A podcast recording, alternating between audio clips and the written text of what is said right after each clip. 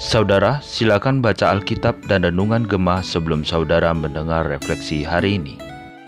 Shalom jemaat yang terkasih dalam Tuhan, saat ini kita akan kembali merefleksikan gemah kita, namun sebelumnya mari kita berdoa. Ya Tuhan Allah Bapa di surga, terima kasih kami menerima dan merasakan berkat Tuhan, anugerah Tuhan yang selalu baru dalam hidup kami. Bahkan kami bersyukur kesempatan indah kami akan kembali merenungkan firman Tuhan. Berkati kiranya kami Tuhan supaya firman-Mu menjadi satu kekuatan dan juga satu penghiburan. Bahkan satu teguran nasihat kepada setiap kami. Karena itu kami serahkan waktu ini berbicaralah. Dalam nama Tuhan Yesus kami berdoa. Amin. Saudara refleksi gemah kita pada hari ini diambil dari Mazmur nomor 137 sampai dengan 138. Saya tidak akan membaca secara menyeluruh bagian firman Tuhan ini. Saya sangat mengharapkan saudara sebelum melanjutkan refleksi gema, saudara membaca terlebih dahulu Mazmur nomor 137 hingga 138 untuk bisa mengerti kebenaran apa yang ada di dalam bagian firman Tuhan ini. Saya hanya akan membacakan Mazmur 138 ayat 1 hingga yang ketiga. Demikian firman Tuhan. Aku hendak bersyukur kepadamu dengan segenap hatiku di hadapan para Allah, aku akan bermasmur bagimu. Aku hendak sujud ke arah baitmu yang kudus dan memuji namamu, oleh karena kasihmu, oleh karena setiamu, sebab kau buat namamu dan janjimu melebihi segala sesuatu. Pada hari aku berseru, engkau pun menjawab aku, engkau menambahkan kekuatan dalam jiwaku. Saudara-saudara, sebagian kita bahkan semua kita senang sekali ketika kita mungkin melantunkan sebuah pujian atau sebuah lagu. Ketika kita mungkin melantunkan lagu-lagu yang indah saudara, kita harus menyadari bahwa setiap lagu yang diciptakan itu pasti berdasarkan latar belakang tertentu.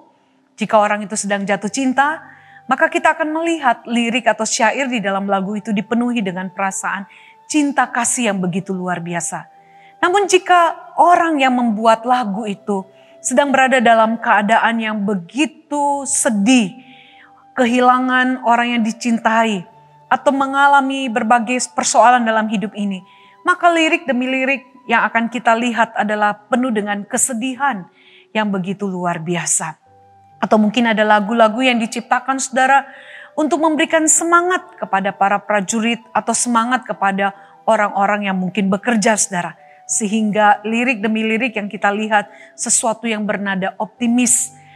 Dan saudara, demikian pula dengan pembuatan lagu-lagu rohani. Pastinya dilatar belakangi oleh peristiwa-peristiwa tertentu. Baik itu lagu-lagu him ataupun lagu-lagu kontemporer. Nah saudara, namun landasan yang paling utama di dalam menciptakan sebuah lagu rohani Kristen haruslah berdasarkan kepada satu relasi yang dalam dengan Tuhan. Karena relasi yang dalam dengan Tuhan akan melahirkan puji-pujian yang sungguh dapat menjadi berkat. Dan kita bisa melihat bahwa di dalam setiap pujian yang dilandasi sebuah relasi dengan Tuhan akan menunjukkan kepada kita betapa Tuhan adalah yang memberi pertolongan di dalam kondisi atau keadaan di apa pun di dalam kehidupan kita. Nah di dalam Mazmur 137 ini jika kita memperhatikan maka kita akan melihat sebuah latar belakang yang sangat luar biasa yaitu sebuah kerinduan yang diselimuti kesedihan yang begitu dalam kepada Tuhan. Sehingga di dalam ayat yang pertama di sana kita melihat dikatakan duduk sambil menangis.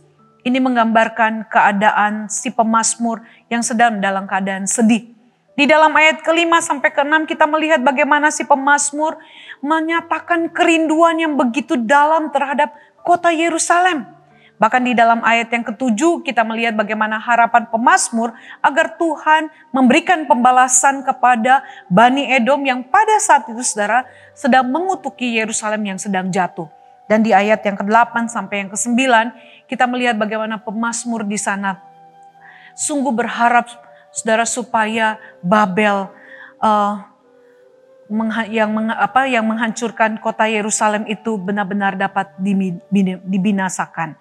Nah, saudara-saudara, kita melihat di dalam Mazmur 138, saudara, ya, di sana mencatat sebuah peristiwa atau sebuah latar belakang tentang bagaimana si pemazmur mengucap syukur kepada Tuhan karena kasih setia Tuhan yang begitu luar biasa. Karena Tuhan menjawab saudara seruan pemazmur dengan memberi kekuatan kepada pemazmur yang jelas di dalam ayat yang ketiga. Bahkan di dalam ayat yang keempat kita melihat semua raja di bumi akan bersyukur karena janji Tuhan.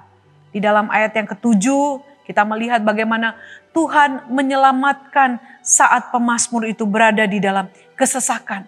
Saudara kita bisa melihat bahwa Mazmur 137 maupun Mazmur 138 mempunyai latar belakang yang berbeda. Perasaan yang dicurahkan juga berbeda. Akan tetapi saudara, keduanya memiliki kesamaan yaitu apa saudara? Sama-sama mempercayai Tuhan dan Tuhan membuat penderitaan maupun sukacita tidak menjadi penghalang untuk tetap mempercayai Tuhan di dalam seluruh keadaan yang terjadi. Saudara pertanyaannya adalah kapan dan kondisi apa yang membuat saudara bisa memuji Tuhan? Ada banyak orang mungkin yang berkata bahwa saya bisa benar-benar sungguh-sungguh memuji Tuhan, memuliakan Tuhan ketika saya sedang dalam keadaan sukacita. Tetapi ketika saya berada dalam keadaan yang penuh dengan pergumulan, persoalan dalam hidup ini, maka sulit bagi saya untuk memuji kebesaran Tuhan. Saudara ini adalah pemikiran yang sangat keliru sekali. Sebagai orang yang percaya Tuhan, yang mengenal Tuhan, yang punya satu relasi yang dalam dengan Tuhan, seharusnya saudara kita menyadari bahwa puji-pujian kepada Tuhan bukan hanya dilahirkan dalam keadaan kita penuh dengan sukacita atau jalan hidup kita menyenangkan. Tetapi saudara dalam keadaan terpuruk sekalipun seharusnya kita tetap dapat menaikkan puji-pujian kita kepada Tuhan. Kita harus sadar betul saudara bahwa Tuhan itu selalu hadir dan ada dalam seluruh musim kehidupan kita. Sehingga segala pengagungan, segala pujian harus tetap kita dapat berikan kepada Tuhan dalam seluruh keadaan hidup kita. Kita tidak perlu saudara hanya berpikir bahwa dalam keadaan senang saja baru bisa memuji Tuhan. Tetapi dalam keadaan sedih pun, kehilangan pun, dalam keadaan sakit, menderita sekalipun, kita harus tetap dapat memuji Tuhan. Karena dia ada dan selalu bersama dengan kita. Dan dia selalu memberikan pertolongan. Dia selalu memberikan penyertaannya, perlindungannya bagi kita. Karena itu biarlah di dalam segala hal yang kita alami, kita boleh tetap terus memuji dia, membesarkan namanya, mengagungkan dia melalui puji-pujian kita dari seluruh kehidupan kita. Amin. Mari kita berdoa. Ya Tuhan Allah Bapa di surga, kami mengucap syukur karena kami boleh kembali diingatkan bahwa di dalam seluruh keadaan hidup kami, kami harus selalu memuji dan memuliakan nama Tuhan. Baik atau tidak baik keadaan kami, kami harus nantiasa memuji kebesaran Tuhan. Karena engkau adalah Tuhan yang layak untuk dipuji dan ditinggikan. Terima kasih untuk perenungan refleksi kami pada hari ini. Dalam nama Tuhan Yesus kami berdoa.